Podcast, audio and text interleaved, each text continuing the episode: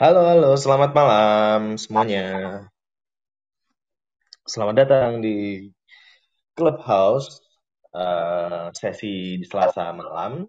Di di malam hari ini kita bakalan ngebahas hal-hal yang cukup menarik sih dari pembicara juga. Uh, aku udah ngundang uh, salah satu temen.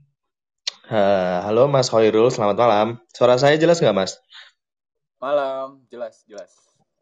Halo, selamat malam Mas Khairul, selamat malam Bang John. Oke, selamat datang uh, sekali lagi buat teman-teman di sesi Clubhouse di malam hari ini. Kita bakalan ngobrolin soal bagaimana menjadi lebih kreatif nih. Halo nih Jessica baru datang. Halo Jess.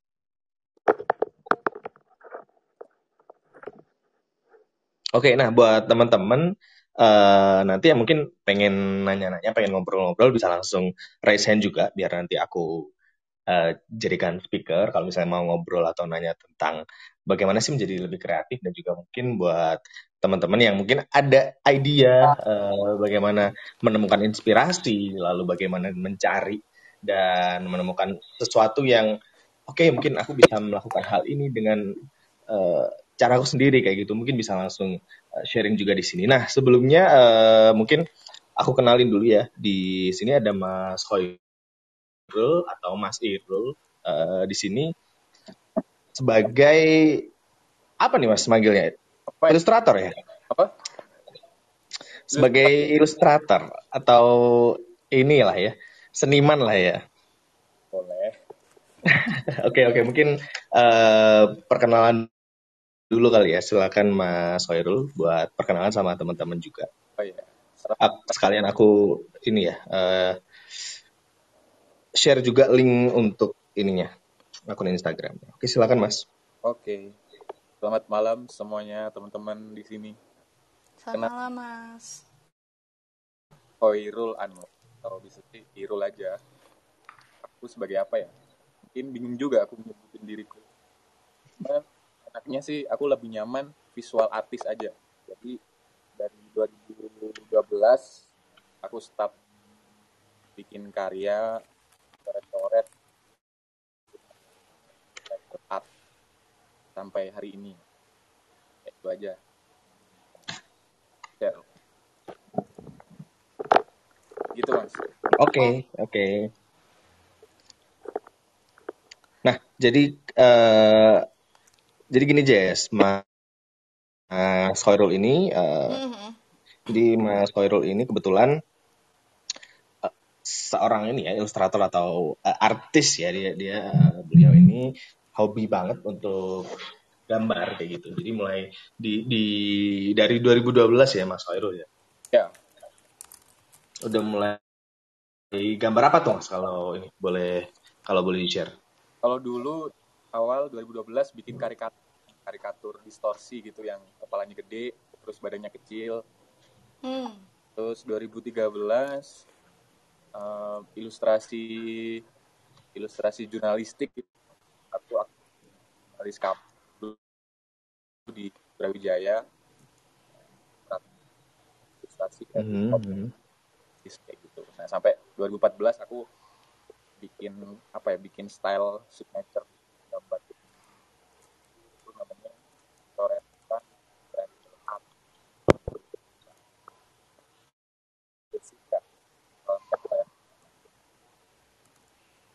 kelihatan gitu. Oke, ini uh, suaranya Mas Koirul yang uh, gede kecil atau internet aku yang jelek no?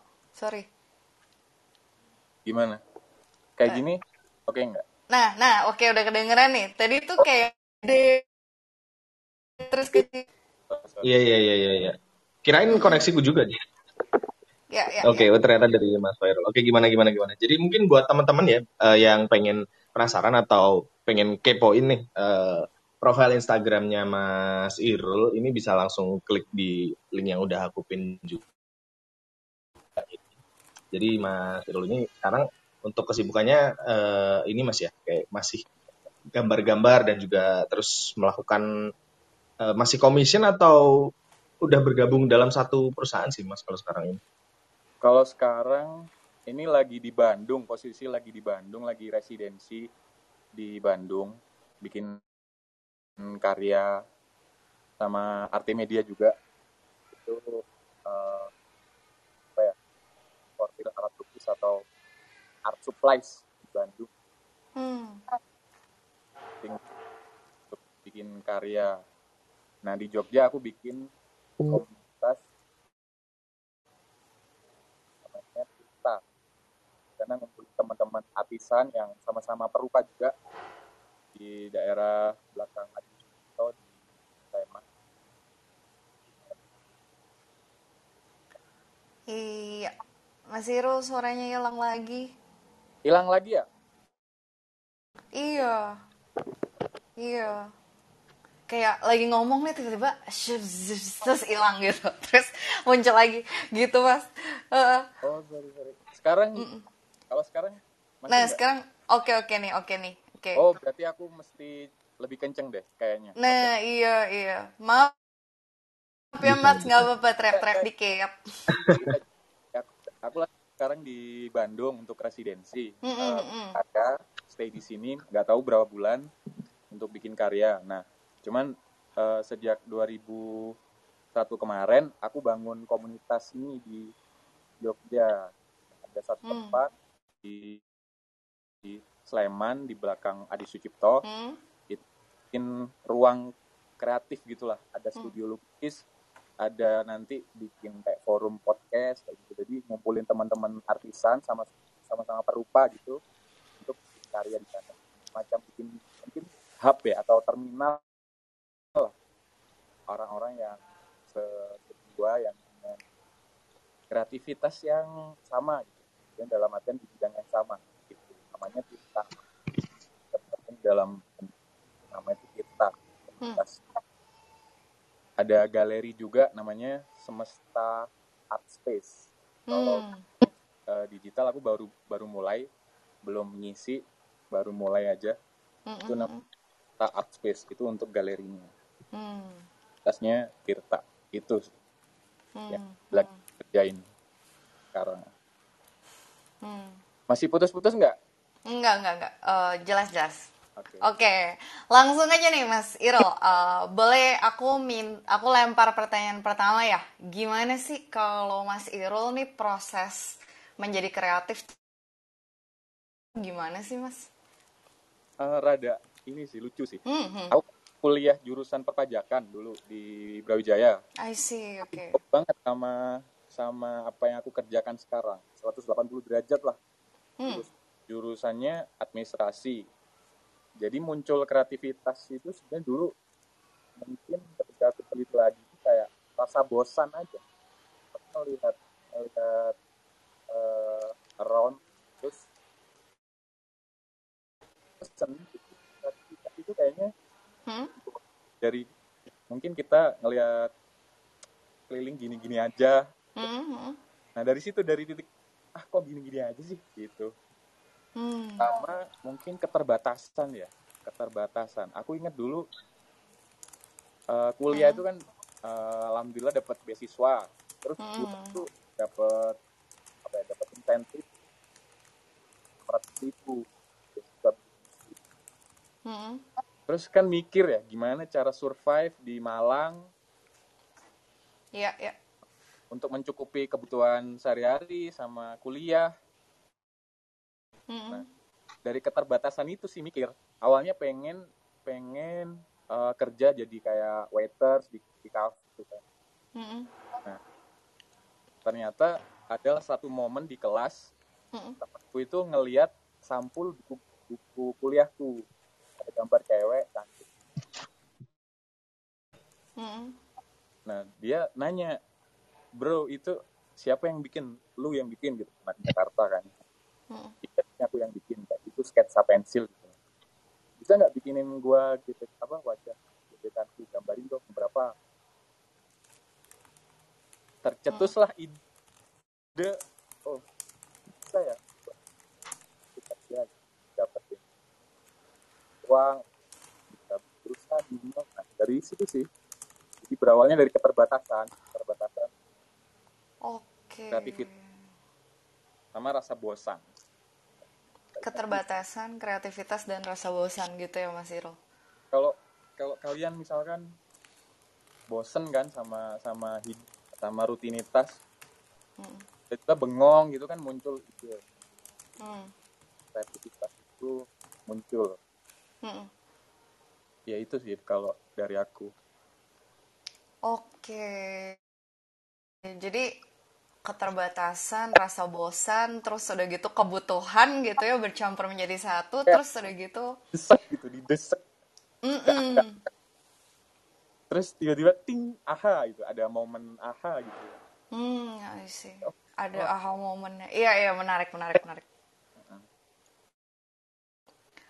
Oke, thank you Mas Irul. Nanti kita balik lagi ke Mas Irul gitu ya. Nah, sekarang pengen nanyanya sama Mbak Maria nih. Di sini ada Mbak Maria juga gitu. Mbak Maria mungkin boleh sedikit kenalin diri gitu dan langsung aja eh, jawab pertanyaan pertama kita nih. Gimana sih jadi lebih kreatif?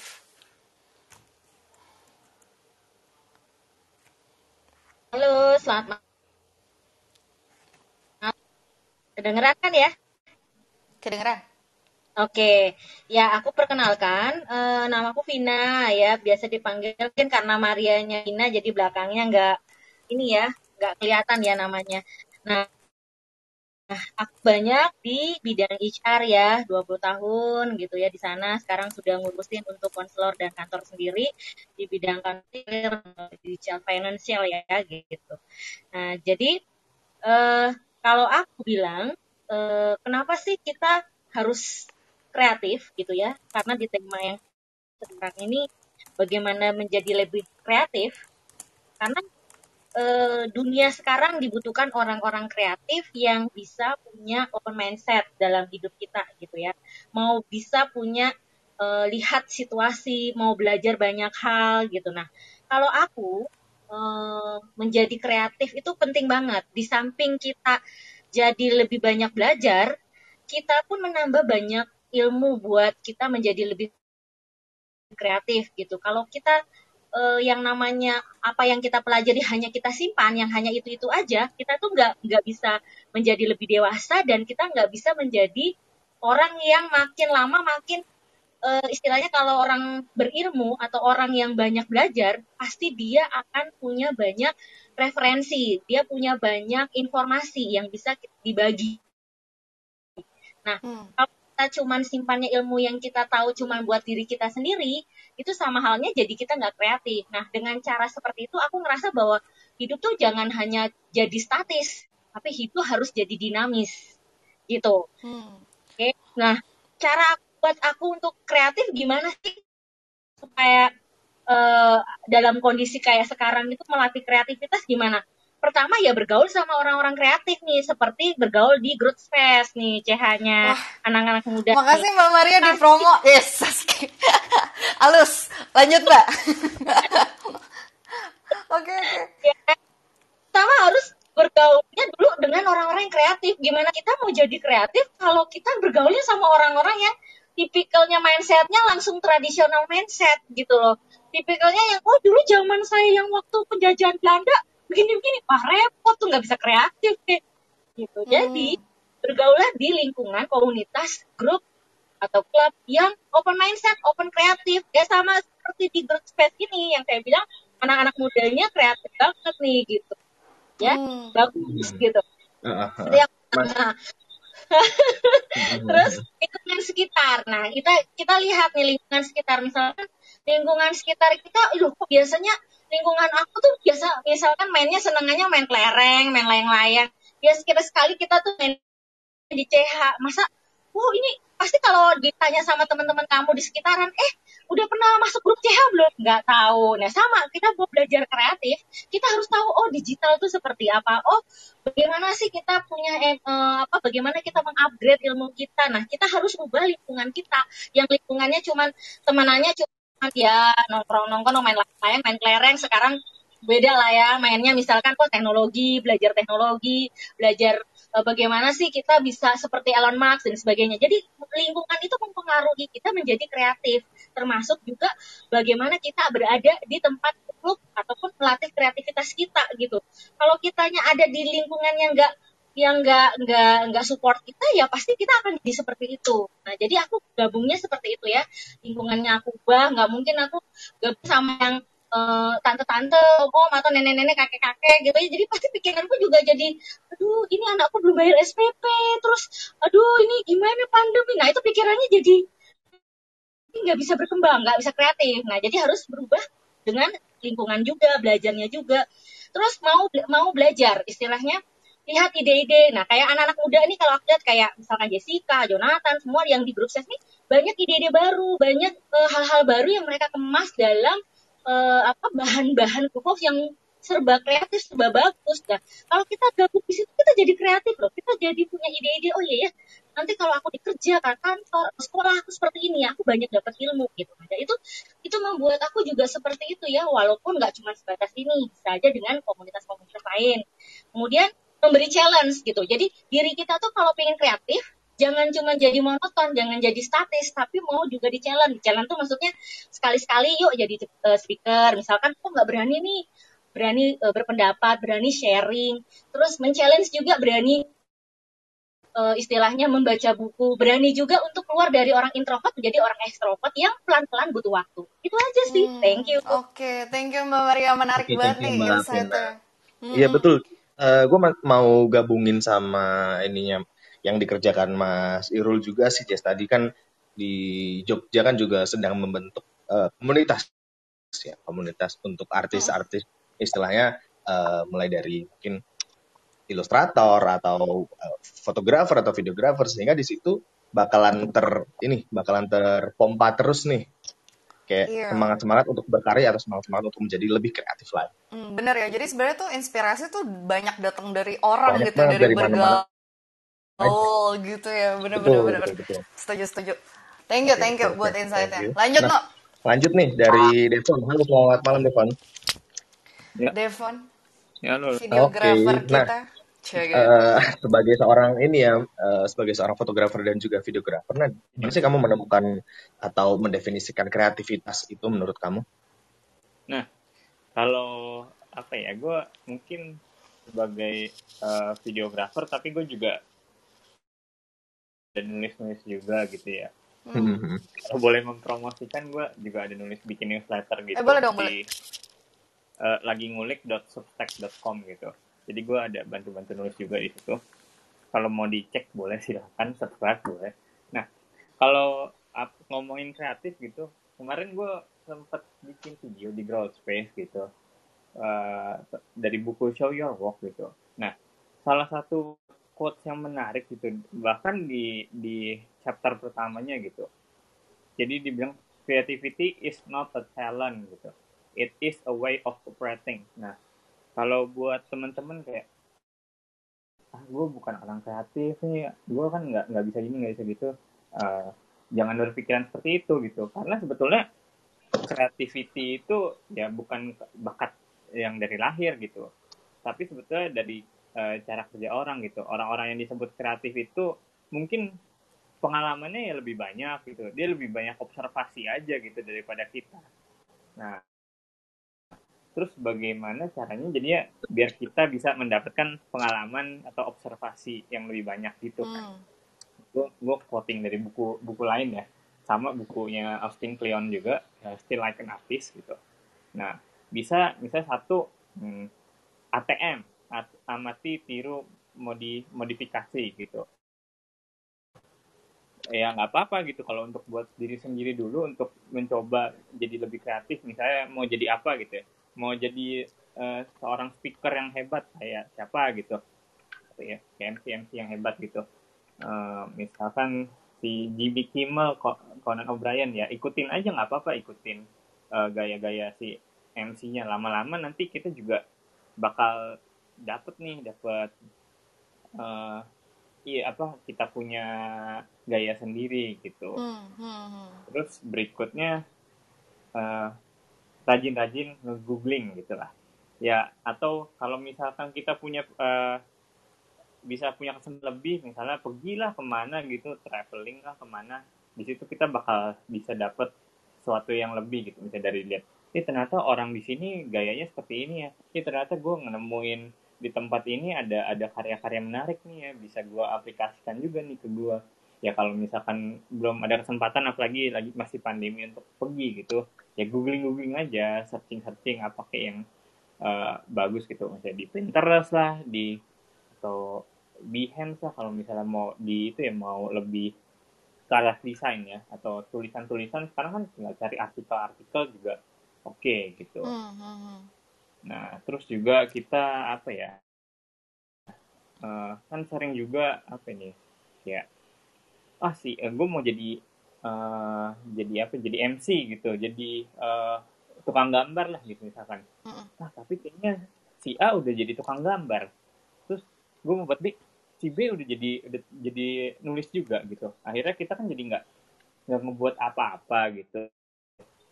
Nah, hmm. balik balik lagi gitu kita mungkin sering dengar kata-kata ini there is nothing new under the sun gitu hmm. jadi jadi ya udah apa-apa gitu loh. Emang nggak ada yang baru. Yang bedain ya nanti kita nah yang bedain itu tadi di kan tadi kita udah amati tiru modifikasi. Nah seberapa banyak yang kita amatin gitu. Lalu kita uh, gabung-gabungin lagi kita tiru. Nah itu dan kita modifikasi lagi tuh. Uh, jadi makanya menjadi sesuatu hal yang baru gitu. Dimodif lagi gitu. Hmm. ada lagi misalkan uh, nah lagi lagi pandemi gini tadi juga udah disebut sama kak kak Vina ya. Nah kayak growth phase gini kita bisa jadi saling bertumbuh gitu loh. Kayak di sini jadi kita nemu-nemu temen baru gitu dari dari internet itu oke okay juga gitu apalagi dari uh, pandemi gitu. Bahkan gue yang tadi tadi gue bilang lagi nulis lagi ngulik uh, substack.com gue ada partneran sama orang yang belum pernah gue temuin sebelumnya gitu. Ketemu di komunitas dan akhirnya kita kerja bareng nah sekarang udah 10 bulan kita nulis bareng gitu loh. Jadi lumayan juga. Dan nggak pernah uh, ketemu sama sekali orang ya partner gue ada di uh, Inggris dan gue di uh, sekarang di daerah Jakarta gitu. Jadi benar-benar nggak bisa ketemu ya kita komunikasi uh, lewat lewat WhatsApp aja gitu. Dan hmm. ternyata bisa loh 10 bulan udah jalan gitu. Hmm. kurang lebih sih itu. Dan terakhir nah balik lagi ke buku Show Your Work ya uh, jangan lupa untuk share gitu loh apa yang kita kerjakan gitu. Hmm. kita share ya. Ya kalau nggak share orang nggak bakal tahu. Terus kita juga nggak bakal tahu eh, nggak dapet feedback gitu loh kita hmm. jeleknya di mana kurangnya di mana bagusnya di mana atau hmm. ternyata cuma kita doang yang merasa jelek ternyata uh, sebetulnya udah bagus gitu jadi kita bisa lebih evaluasi gitu sih jadi so, gitu.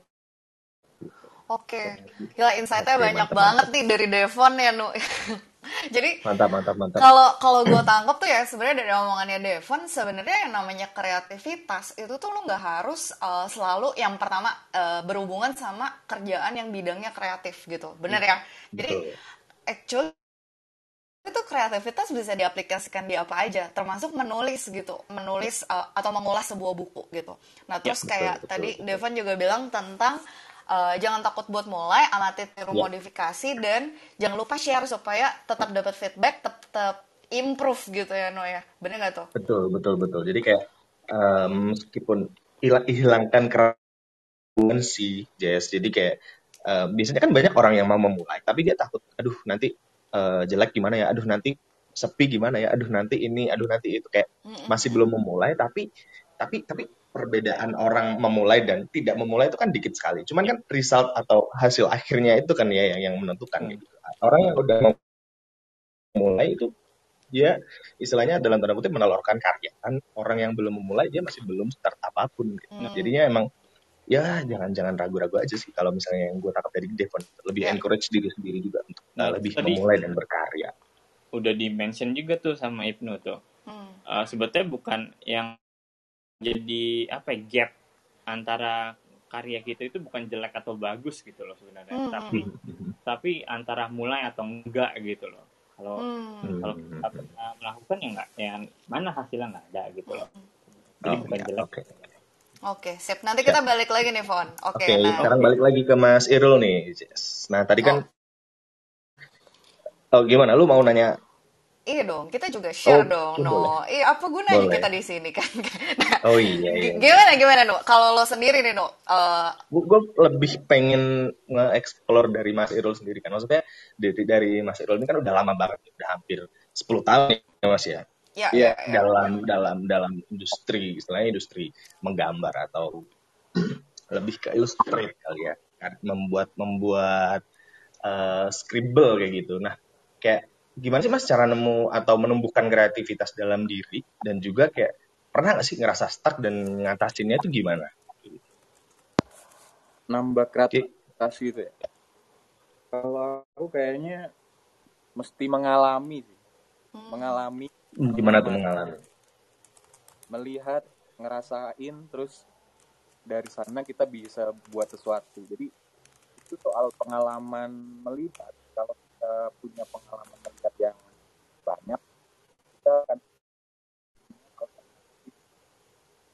yang banyak juga. gitu. Eh, ketemu banyak orang,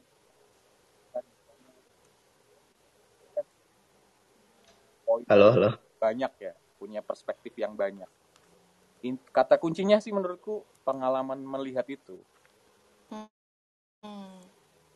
Oke, oke. Aku Berarti mulai, mulai eh, traveling itu kan sejak mulai sibuk tahun tahun 2016-an sejak hmm, hmm.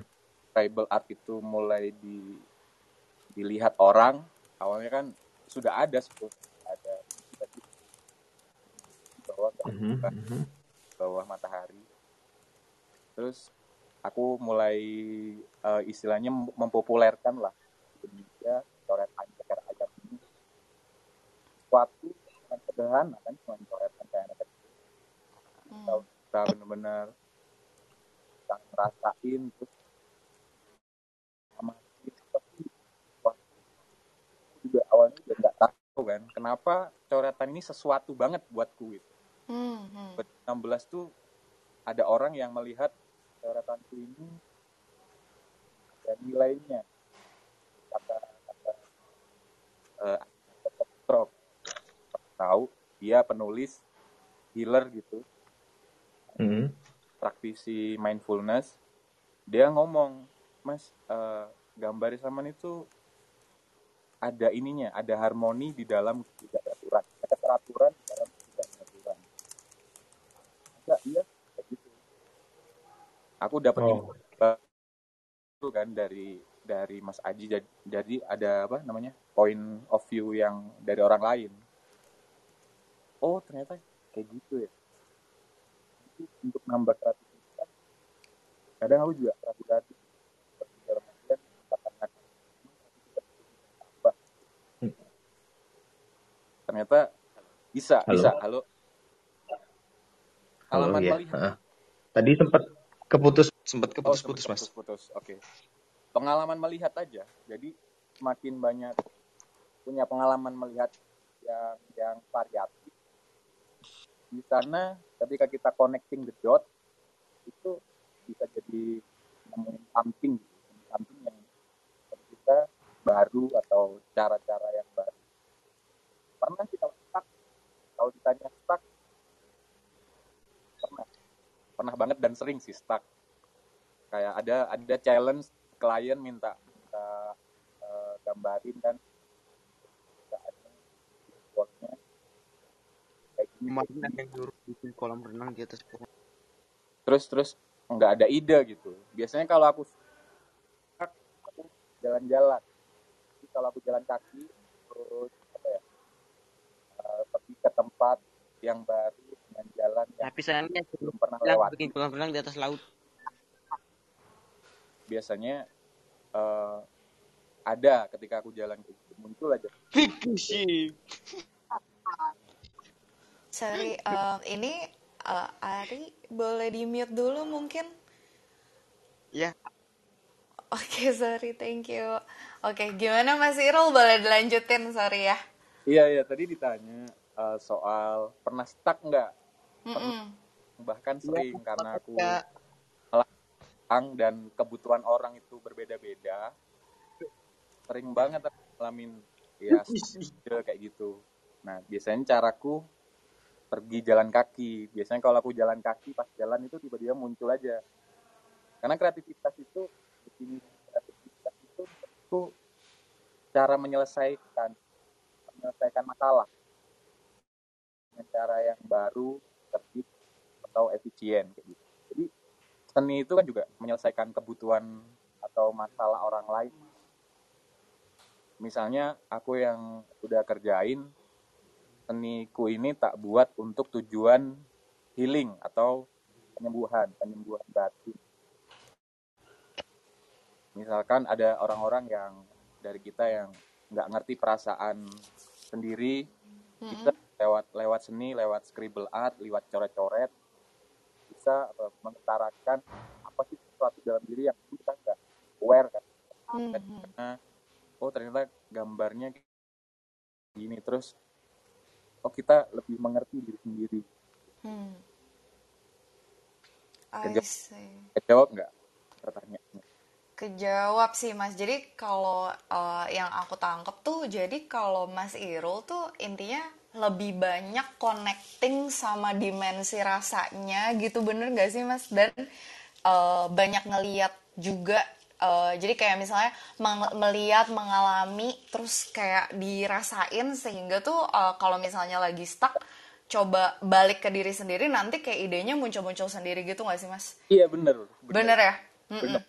Oke, nah eh, sebenarnya tuh aku lumayan em, ini ya, tay- apa eh, connect gitu sama omongannya Mas Irul nih, karena eh, aku sendiri, jadi aku punya hobi nulis puisi Mas Irul. Nah, mm, iya betul betul. Jadi se- jadi tuh kebetulan kalau puisi itu kan sesuatu yang muncul tuh dari oh deepest apa ya deepest feeling atau deepest thoughts gitu kan ya. Jadi kayak untuk aku terinspirasi bikin puisi itu tuh nggak nggak selalu ini loh nggak selalu kayak uh, oh nonton sesuatu terus terinspirasi. Tapi tuh uh, gimana caranya ketika aku tuh mulai uh, merasakan apa yang lagi aku rasakan. Justru kayak misalnya kalau misalnya kita lagi galau nih terus kalau kita lagi galau kan biasanya kita ah udahlah eh, udah nggak usah dirasain gitu. Nah tapi kalau aku justru aku memilih untuk ngerasain itu. Dan ketika dirasain itu tuh malah inspirasi jadi muncul banget gitu nggak sih mas? Iya bener. ah, ah, oke oke connect connect nih connect oke. Mantap mantap. Ini Nah, kalau aku pernah di satu titik fase gitu suka banget baca buku buku motivasi buku buku kreatif kreatif thinking gitu ya. Sampai suatu hari itu buku-buku itu aku taruh semuanya. Karena mm, menurutku nggak works gitu di di hidupku di diriku sendiri gitu. Mm, mm, mm, Nah, itu kan dari luar diriku gitu. Pengalaman yang aku alami yang aku rasakan sendiri gitu. Misalkan kayak aku juga pernah baca si apa Austin Kleon still artis. Mm, oh bagus.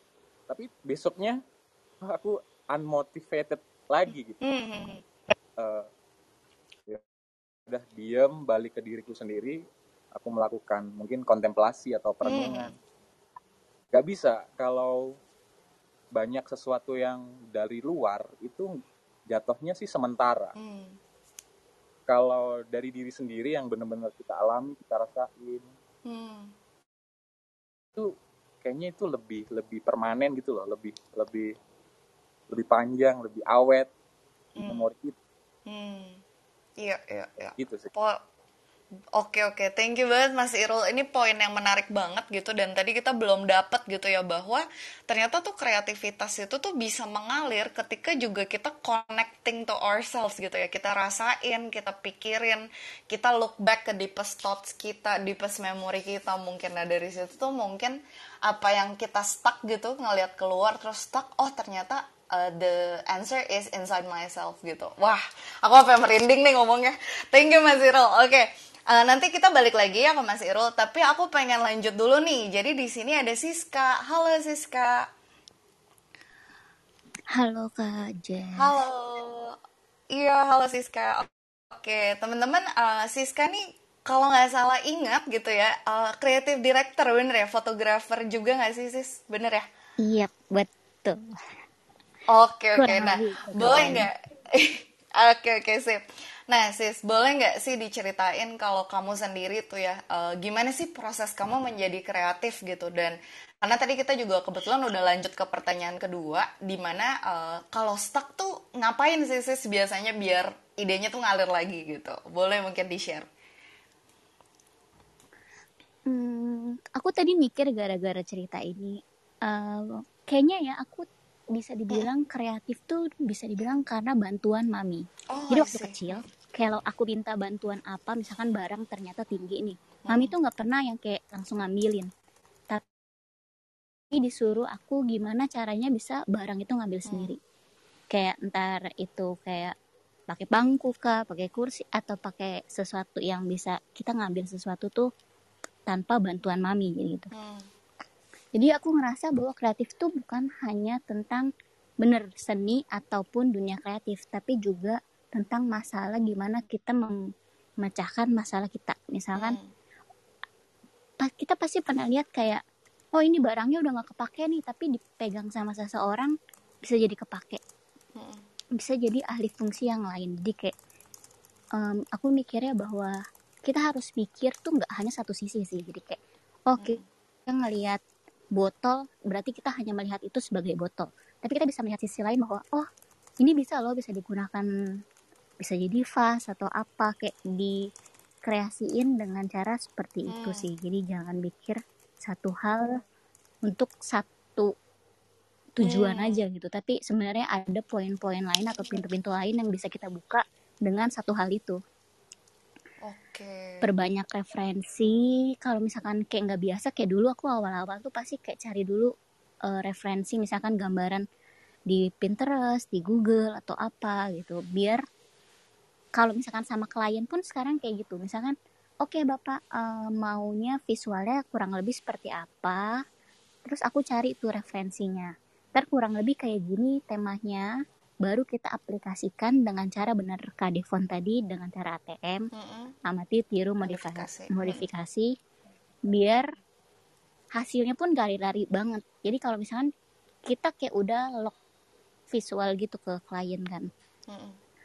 Kalau misalkan dia komplain pun jadi nggak terlalu kita udah sesuai referensi nih kak kita udah sesuai mood board dan storyboard nih kayak gitu biasanya Hmm.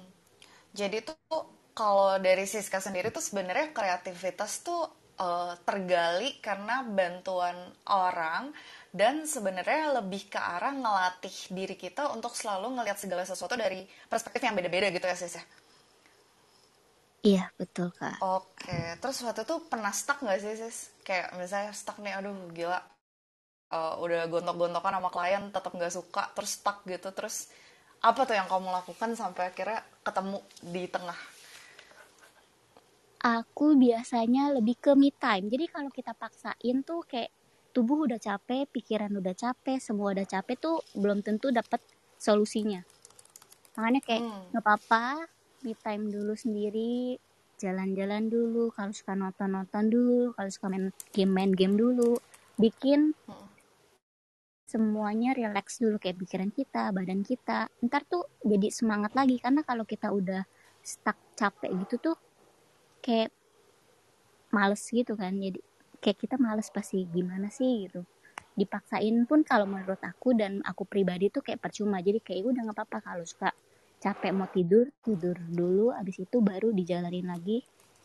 Kayak pernah kita kuliah kan biasanya kayak ada juga kayak the power of kepepet kan. Hmm, betul betul betul.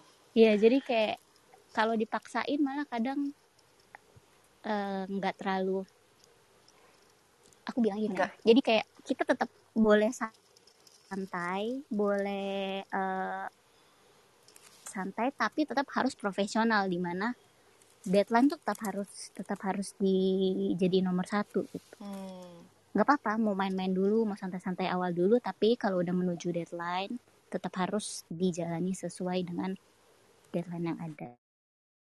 Kayak gitu biasanya aku. Oke, jadi kalau misalnya lagi ke lagi stuck gitu, kamu memilih untuk justru ngasih waktu ya sis ya buat diri sendiri gitu ya.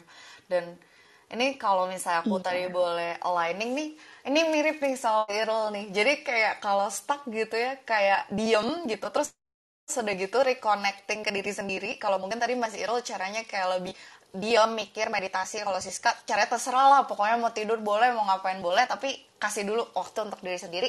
Nanti idenya akan ngalir lagi gitu ya. Oke. Yes, thank you thank you banget Siska. Nanti aku balik lagi.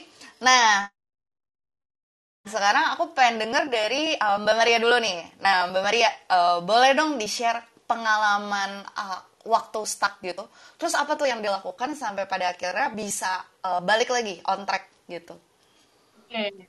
Setiap orang pasti ada pernah mengalami eh, ini ya stuck dalam hal kreativitas, kita mau menemukan ide, kita mau menemukan sesuatu challenge, kita mau menemukan opportunity baru, kita mau merubah apa pekerjaan kita atau rutinitas kita juga bisa stuck gitu kan. Nah, jadi pada saat aku ketemu dengan hal-hal stuck, ya pasti pertama dengerin musik gitu ya. Musik tuh bisa macam-macam kan tergantung masing-masing orang ya kita mau sukanya di mana tapi biasanya kalau aku tuh senengnya musik-musik yang tenang gitu ya sebenarnya walaupun seneng juga musik-musik yang hot juga hip hop gitu segala macam juga suka gitu. Cuman ketika dunianya istilahnya kita butuh sesuatu mendapatkan ide kemudian melihat apa sih challenge lagi kreativitas. Karena yang namanya kita kerja nggak mungkin zaman saya waktu di awal uh, fresh graduate dipakai dengan cara yang sekarang gitu loh. Itu udah pasti nggak bisa. Jadi harus pintar-pintar orang kreativitas. Jadi e, kalau kita nggak ubah nggak lihat kemudian kita nggak e, and on track lagi gitu ya itu pasti akan benar-benar ngejalaninnya yang sama terus gitu. Nah jadi e, pertama dengerin musik untuk cari satu pemahaman atau ide baru kemudian e, baca buku ya. Baca beberapa buku gitu kan. Kemudian e, ini ya uh, lebih banyak untuk ini apa banyak film-film atau hal-hal dokumenter tentang kreativitas gitu loh. Jadi kalau kita dapat ide-ide dari film-film misalnya luar negeri itu kan banyak inspirasi oh gimana sih kita mau keluar dari kreativitas oh kita mau bangkit dengan hal-hal keterpurukan atau gimana itu biasanya aku suka lihat oh ide-idenya seperti ini ya gitu kemudian uh, bela belajarnya aku itu banyak kan uh, dari anak-anak milenial sih sebenarnya karena anak milenial tuh banyak banget ilmunya uh, kita ya baru segini dia udah udah larinya tuh udah kencang gitu loh. Hmm. Ih hebat kamu ya bisa. Jadi aku membuat ide, oh oke okay, oke okay, kayak ide kan. Kita cari kerja orang kan job seeker gitu ya. Oh pakainya job DB bu, pakainya job street itu udah udah udah kada luar. Tapi ini tuh kadang-kadang mereka suka bilang, bu kalau cari IT tuh ini tuh di sini bu di project ID gitu. Terus cari itu di sini bu, ini teman-teman saya di sini juga. Oh bagus juga ide kamu nah. Jadi uh, maksudnya kita jadi bisa kolaborasi dengan orang-orang yang sebenarnya mau lebih tua mau lebih muda nggak masalah tapi itu kita Hmm. dapat insightnya gitu jangan menutup diri oh karena gue usia gini gue nggak enak nih sama yang tua Nggak- jangan begitu tapi Hmm. sama junior gue nggak masalah ide itu bisa dapat dari mana aja kita kan namanya kolaborasi kita namanya sekarang lagi bisa mengembangkan bareng-bareng kalau misalkan Hmm. dari dia kan sama-sama bertumbuh bareng kan gitu Hmm, hmm, hmm. ya? Oke, nah such a good point. Oke, gimana Mbak? Lanjut. udah gitu keluar lagi dari masalah itu apa? Biasanya aku olahraga. Mungkin karena aku seminggu udah berapa kali olahraga ya itu melatih kita punya eh, hormon kan?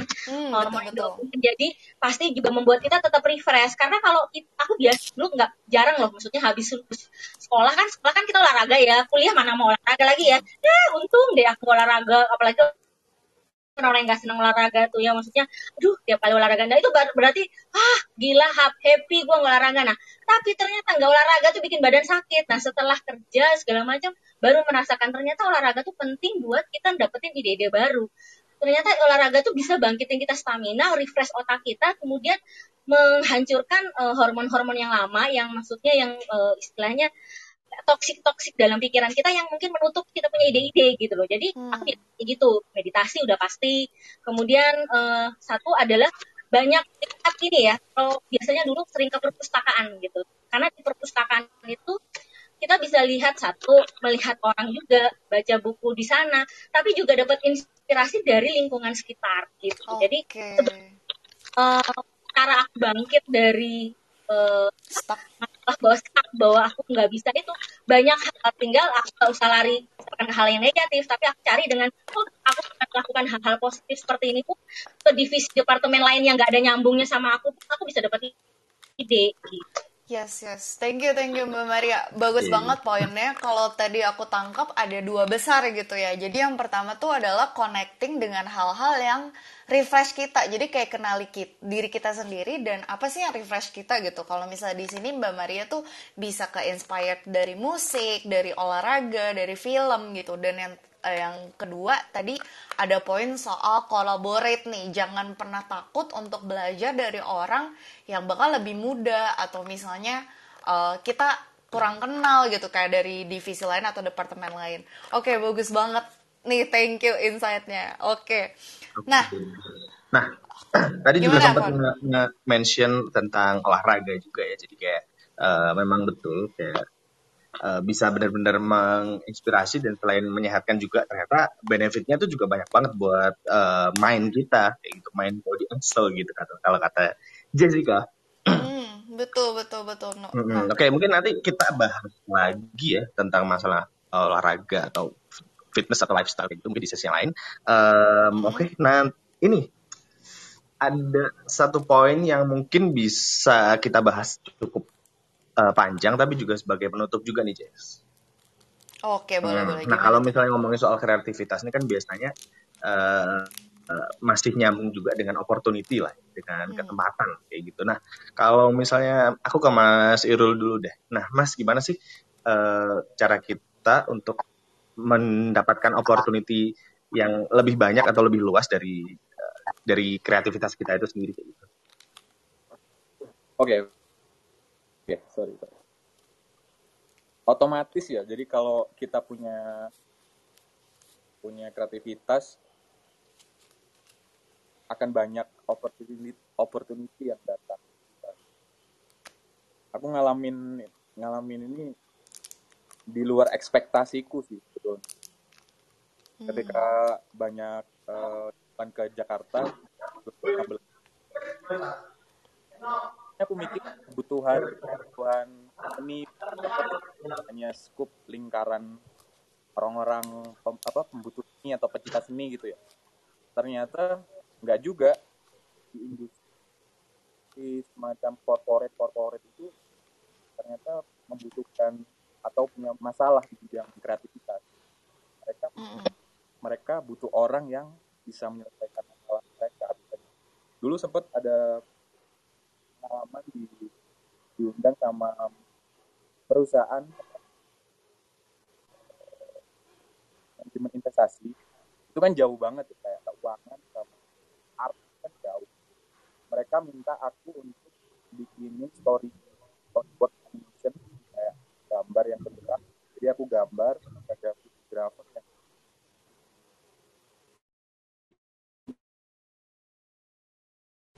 terus ada dubbing suara di video gambar itu. Oh itu kolaborasi kolaborasi yang baru buat waktu waktu itu tahun 2016 ternyata macam-macam sekali. Terus aku sempat ketemu lagi eh, pemilik salah satu kebun di Jakarta. Dia minta bikin konsep eh, konsep graf gimana caranya gedung ini yang sekitar ada berapa ratusan orang nyaman bekerja terus uh, lifestyle setiap hari di situ. Nah di sana mindset tuh berkembang lagi. Oh ternyata nggak kesempatan gambar pesan atau apa ternyata lebih besar opportun apa kesempatannya gitu. Banyak Hmm. ketemu orang-orang yang di luar ekspektasi sih, gitu. Tahun Hmm. 2015 itu eh, 14 itu ketemu sama Artimedia ini yang tempatku residensi.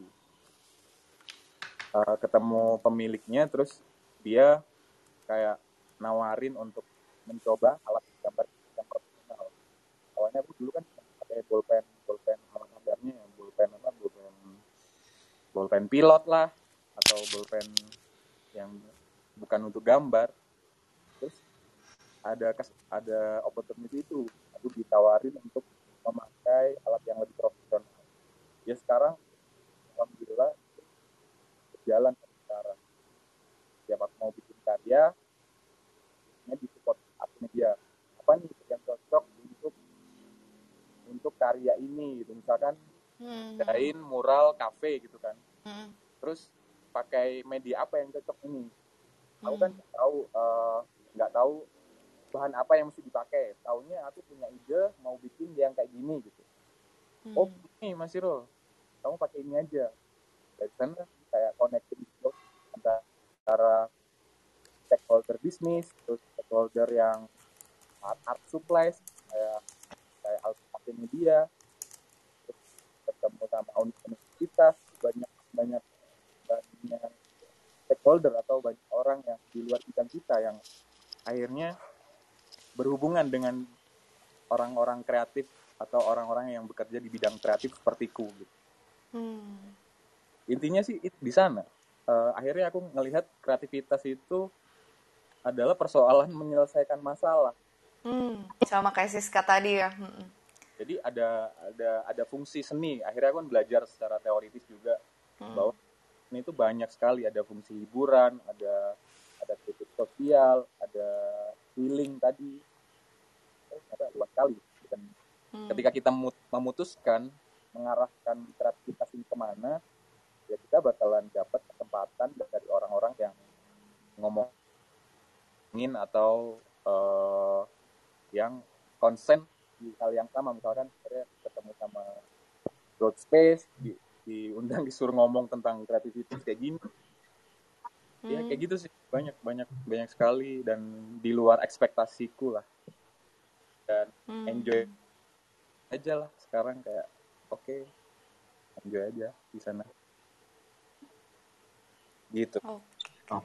Oke, oke, oke. Thank you, Mas Irul. Uh, cukup menarik juga sih ya. Jadi mm, mungkin opportunities lies elsewhere gitu. Jadi kayak oke mungkin di bidang kita sekarang yang art di bidang sekarang uh, kita ngurusin masalah ini, masalah A misalnya. Mungkin Hmm. uh, ada kesempatan-kesempatan di luar sana yang mungkin nggak kita kira-kira kayak gitu tadi. Balik lagi uh, kita juga harus kayak benar-benar berkumpul atau cari circle atau kenalan-kenalan dengan orang-orang baru supaya uh, bisa improve uh, kemungkinan kita buat dapetin opportunity baru sih. Hmm. Kalau yang dari aku tangkap tadi. bener Hmm. bener Hmm. Oke oke oke mungkin uh, dari berikutnya ya dari Mbak Maria. Gimana nih Mbak Mar? Uh, tentang kolaborasi eh, kolaborasi korelasi antar kreativitas dan opportunity lah. Ingatnya kolaborasi dulu ya. Iya betul. Iya ya. Kalau eh, kreatif bisa menumbuhkan opportunity jelas banget ya menurut aku. eh, sebenarnya manfaatnya kita kreatif itu banyak banget loh sebenarnya buat diri kalau orang melihat wah kalau kita belajar kreatif tuh kita sebenarnya lagi membuat diri kita itu jadi lebih punya banyak eh, kesempatan kita punya dapat banyak wawasan gitu ya. Karena bukan hanya sekedar kerja di dunia kreatif enggak malah kita jadi eh, pengembangan diri gitu loh. Secara tidak langsung kita bisa berkembang gitu loh. Kita mendorong diri kita jadi berkembang kita pengen tahu kita jadi keluar dari zona kita gitu. Jadi sebenarnya banyak manfaatnya gitu kan dengan kreativitas gitu loh. Kemudian sebenarnya kreativitas itu sebenarnya kita kan di challenge ini terus aduh kita harus ubah begini begini.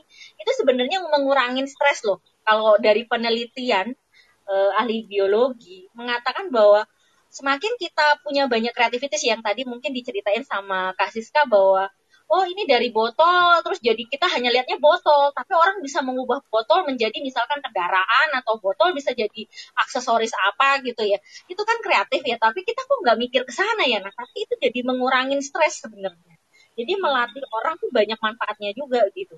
Kemudian eh, aku dapat ilmunya juga bahwa kreativitas itu mempertajam kita punya otak. Jadi kita nggak cepet pikun gitu. Kita nggak cepet lupa. Kita juga eh, daya analisa problem solving kita terhadap sesuatu tuh lebih mudah karena kita terbiasa belajar kreatif. Wah habis ini apa ya? Habis ini apa ya? Gitu.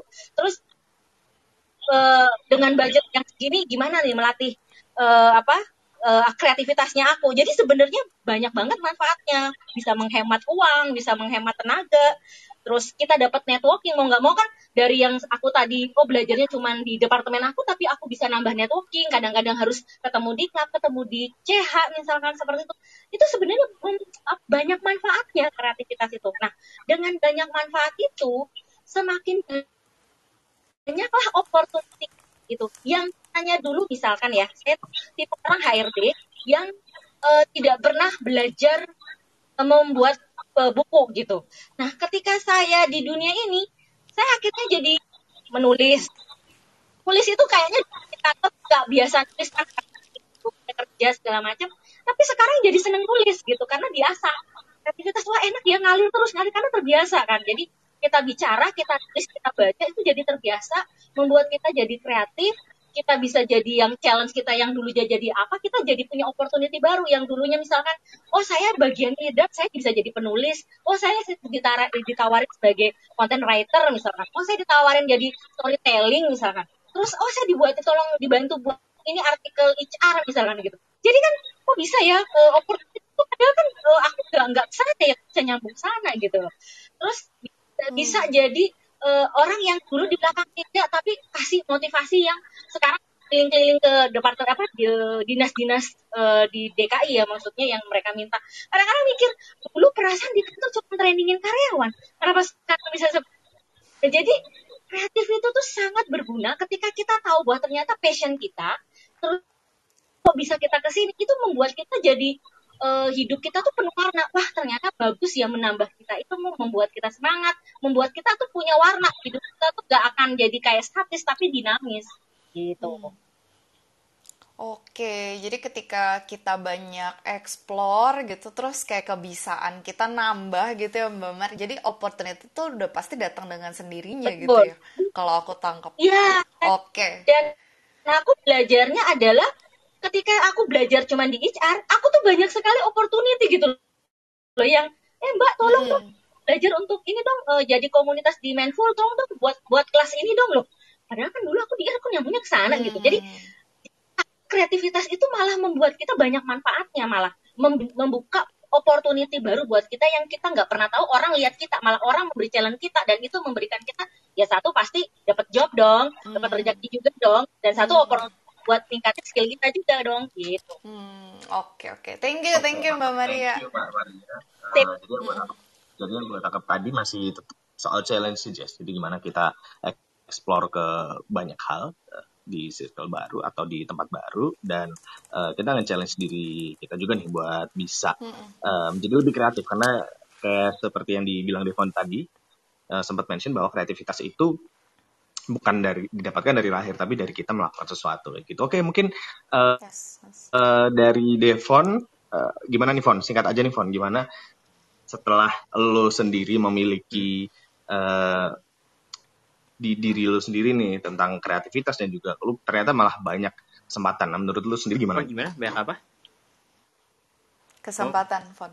Iya sih pasti sih jelas. Uh, makin kita gue gue apa ya gue senang dengan gue percaya bahwa apa yang gue lakukan itu semuanya compounding gitu loh jadi hmm. apa yang gue bisa kayak gue nulis satu pasti ntar bisa ngasih gue opportunity yang lain gitu bukan hmm. maksudnya dalam pekerjaan aja tapi ngebuka gue peluang untuk ngelakuin hal-hal lain gitu misalkan dari dari nulis ya mungkin nulis nulis gue nulis apa ya ya diary lah jurnal harian gitu.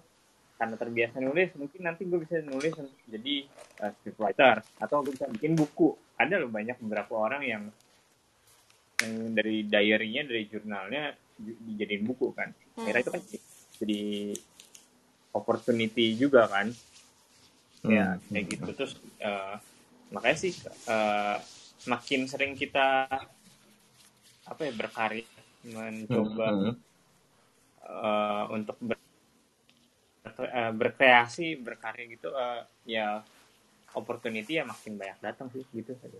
Oke okay, siap siap. Berarti yang gue tangkap tadi uh, compoundingnya sih, yes. Jadi, jadi di mana uh, semakin banyak kita berkarya, semakin banyak kita ekspor dan juga uh, akan membuat opportunity menjadi lebih uh, meningkat lah ya se selaras dengan kreativitas dan juga karya yang kita uh, telurkan kata katakanlah kayak gitu. Oke. Okay. Ya, ya, telurkan okay. ya. Oke, okay, uh, mungkin last dari Siska deh gimana nih Sis? Hmm. Kalau menurut Siska. Kalau menurut aku jangan takut untuk belajar semua hal sih. Kalau misalkan dengan hmm. kayak gitu juga kita tahu nih apa yang suka, apa yang kita nggak suka. Kalau misalkan coba dulu aja sekali. Kalau misalkan uh, suka lanjutin, kalau nggak suka ya udah gitu. Tapi jangan takut untuk itu. Uh, kalau bisa kita jadi palu ganda yang bisa semua hal, kenapa enggak gitu? Karena banyak hal-hal yang orang lain tuh kadang kadang tuh kita nggak nyadar sih kalau kita seperti itu tapi ternyata itu bisa menginspirasi orang lain. Hmm. sama upload hasil sih benar kata Kak Devon tadi. Aku tuh lumayan terlambat sebenarnya. Aku dulu tuh nggak pernah ngupload portofolio nggak pernah ngupload apa pun hasil kerjaku paling ke, cuma sebatas BTS doang di Instastory dan baru tahun lalu aku upload. Nah dari situ tuh malah lebih banyak uh, jobnya Nah, maksudnya ta tawaran-tawaran. Hmm. Kayak bikin aja dan harus kerjanya tuh benar-benar 100%, kalau bisa 1000%. Karena hmm, kalau kita okay. kerjanya lebih kayak pol-polan, orang lain tuh lebih lihat dan bisa juga jadi repeat order. Hmm. Jadi kayak dia udah oh. kerja sama sama kita sekali ini, oh dia orangnya baik nih, nice, nggak perhitungan atau apa gitu. Hmm. Itu bisa membuka pintu-pintu lain sih menurut aku. Jadi kayak hmm. aku dapet job beberapa belakangan itu aneh. Aku dapat job freelance buatin reels untuk ibu-ibu sosialita.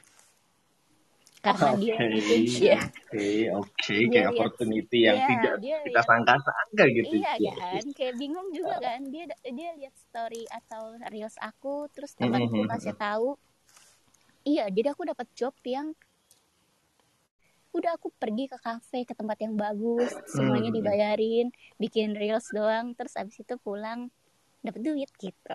Jadi kayak hal-hal yang mungkin kayak reels kan kayak orang mikir emang bisa ya? Tapi ternyata bisa loh ada aja dapetnya gitu.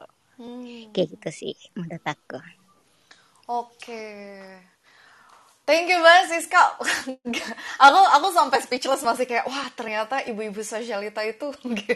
okay. Nah, eh, anyway, okay, anyway, okay, no, no, gue mau ngasih fun fact nih, no. Ini seru banget nih. Jadi, jadi gue mau tanya satu hal, no, sama lo. Menurut lo, kalau proses kreatif di otak kita tuh terjadinya di otak kiri apa otak kanan, no? Kalau yang gue percaya sih eh, otak kanan sih. Cuman dari jurnal-jurnal yang baru yang baru-baru ini katanya otak kiri sama otak kanan itu pseudo gitu. Nah, betul betul. Jadi itu teman-teman. Jadi uh, fun fact yang mau aku kasih adalah gini. Jadi kita tuh di dari kecil uh, dibiasain percaya sama mitos. Mitosnya adalah oh kalau kamu anak otak kiri artinya kamu pintar dalam pelajaran. Kalau kamu anak otak kanan artinya kamu kreatif gitu kan ya. Itu salah teman-teman. Jadi jadi gini, uh, ada satu peneliti yang dia meneliti fungsi otak kita ketika kita melakukan kegiatan kreatif dan yang yang paling berperan besar adalah frontal lobe otak kita atau uh, apa namanya frontal lobe tuh ada di bagian kiri gitu ya di bagian kiri. Tapi kerjanya si frontal lobe ini adalah mengakses uh, seluruh informasi dari otak otak bagian otak kita yang lain gitu. Jadi proses kreatif itu tuh terjadi di seluruh bagian otak kita teman-teman. Jadi kalau misalnya tadi ya kita dapat insight dari teman-teman Oke, okay, uh, eh, banyak belajar, banyak explore gitu, uh, connect ke diri sendiri, uh, alamin, rasain, pikirin dengan baik gitu kan. Coba uh, latih, uh, lihat dari different perspektif gitu. Karena ketika kita banyak mengaktifkan bagian otak-otak kita yang lain, uh, proses kreatif itu tuh akan juga menjadi semakin lebih baik karena terjadinya di frontal lobe yang emang kerjaannya dia mengakses memori dari otak-otak kita yang lain. Luar biasa nggak tuh? Oke oke. Okay. Nah uh, itu teman-teman. Uh, makasih banget buat diskusi yang seru gitu ya. Uh, jadi udah jam 9 lewat 4 juga, Nu, gitu. Yep. Mungkin Ibnu mau ngasih sedikit kesimpulan. Oke. Okay. Oke. Okay. Uh, jadi gini sih, Ces, kalau kesimpulan singkatnya dari aku ya, uh, bagaimana cara kita menumbuhkan ya. atau meningkatkan kreatif itu tadi. Yang pertama pasti kita harus uh, berkecimpung atau melakukan dan berkumpul dengan orang-orang kreatif. Kemudian cara melatih dan juga meningkatkannya dengan terus mencoba dan jangan lupa untuk dipublish atau di tanda kutip dipamerkan ya karena mau gimana pun jelek atau bagus atau gimana itu urusan belakangan. Nanti kita berhasil menelurkan atau berhasil membuat suatu karya kreatif dan menemukan banyak opportunity yaitu uh, dengan op lebih open dan juga uh, melakukan lebih banyak hal dan explore lebih banyak hal sehingga hal itu bisa menjadi compound dan akan uh, membuka pintu-pintu baru untuk kita nanti. Oke, kayak gitu sih. Iya, oke. Mungkin gue tambahin Mm -hmm. sedikit juga. Tadi juga kita Oke. dapat uh, beberapa tips lah ya. Kalau misalnya kita lagi stuck tuh, kita harus ngapain gitu. Intinya adalah beri kesempatan buat diri kita sendiri, take a pause dulu gitu. Jangan paksain. Kemudian connect dengan hal-hal yang refresh kita. Dan jangan takut untuk selalu collaborate dan connecting the dots gitu. Dan di bagian opportunity untuk melengkapi juga teman-teman ternyata kreativitas itu nggak akan jadi apa-apa nih kalau kalian nggak berani untuk memulai dan punya etos kerja yang baik. Jadi selamat mengolah kreativitas teman-teman. Oke. Semoga malam ini sesinya berguna dan sampai ketemu di hari Di Kamis. hari Kamis. Bener ya Nu ya? Iya. Oke, terima kasih teman-teman. Sampai kasih jumpa di hari. Kamis. Oke.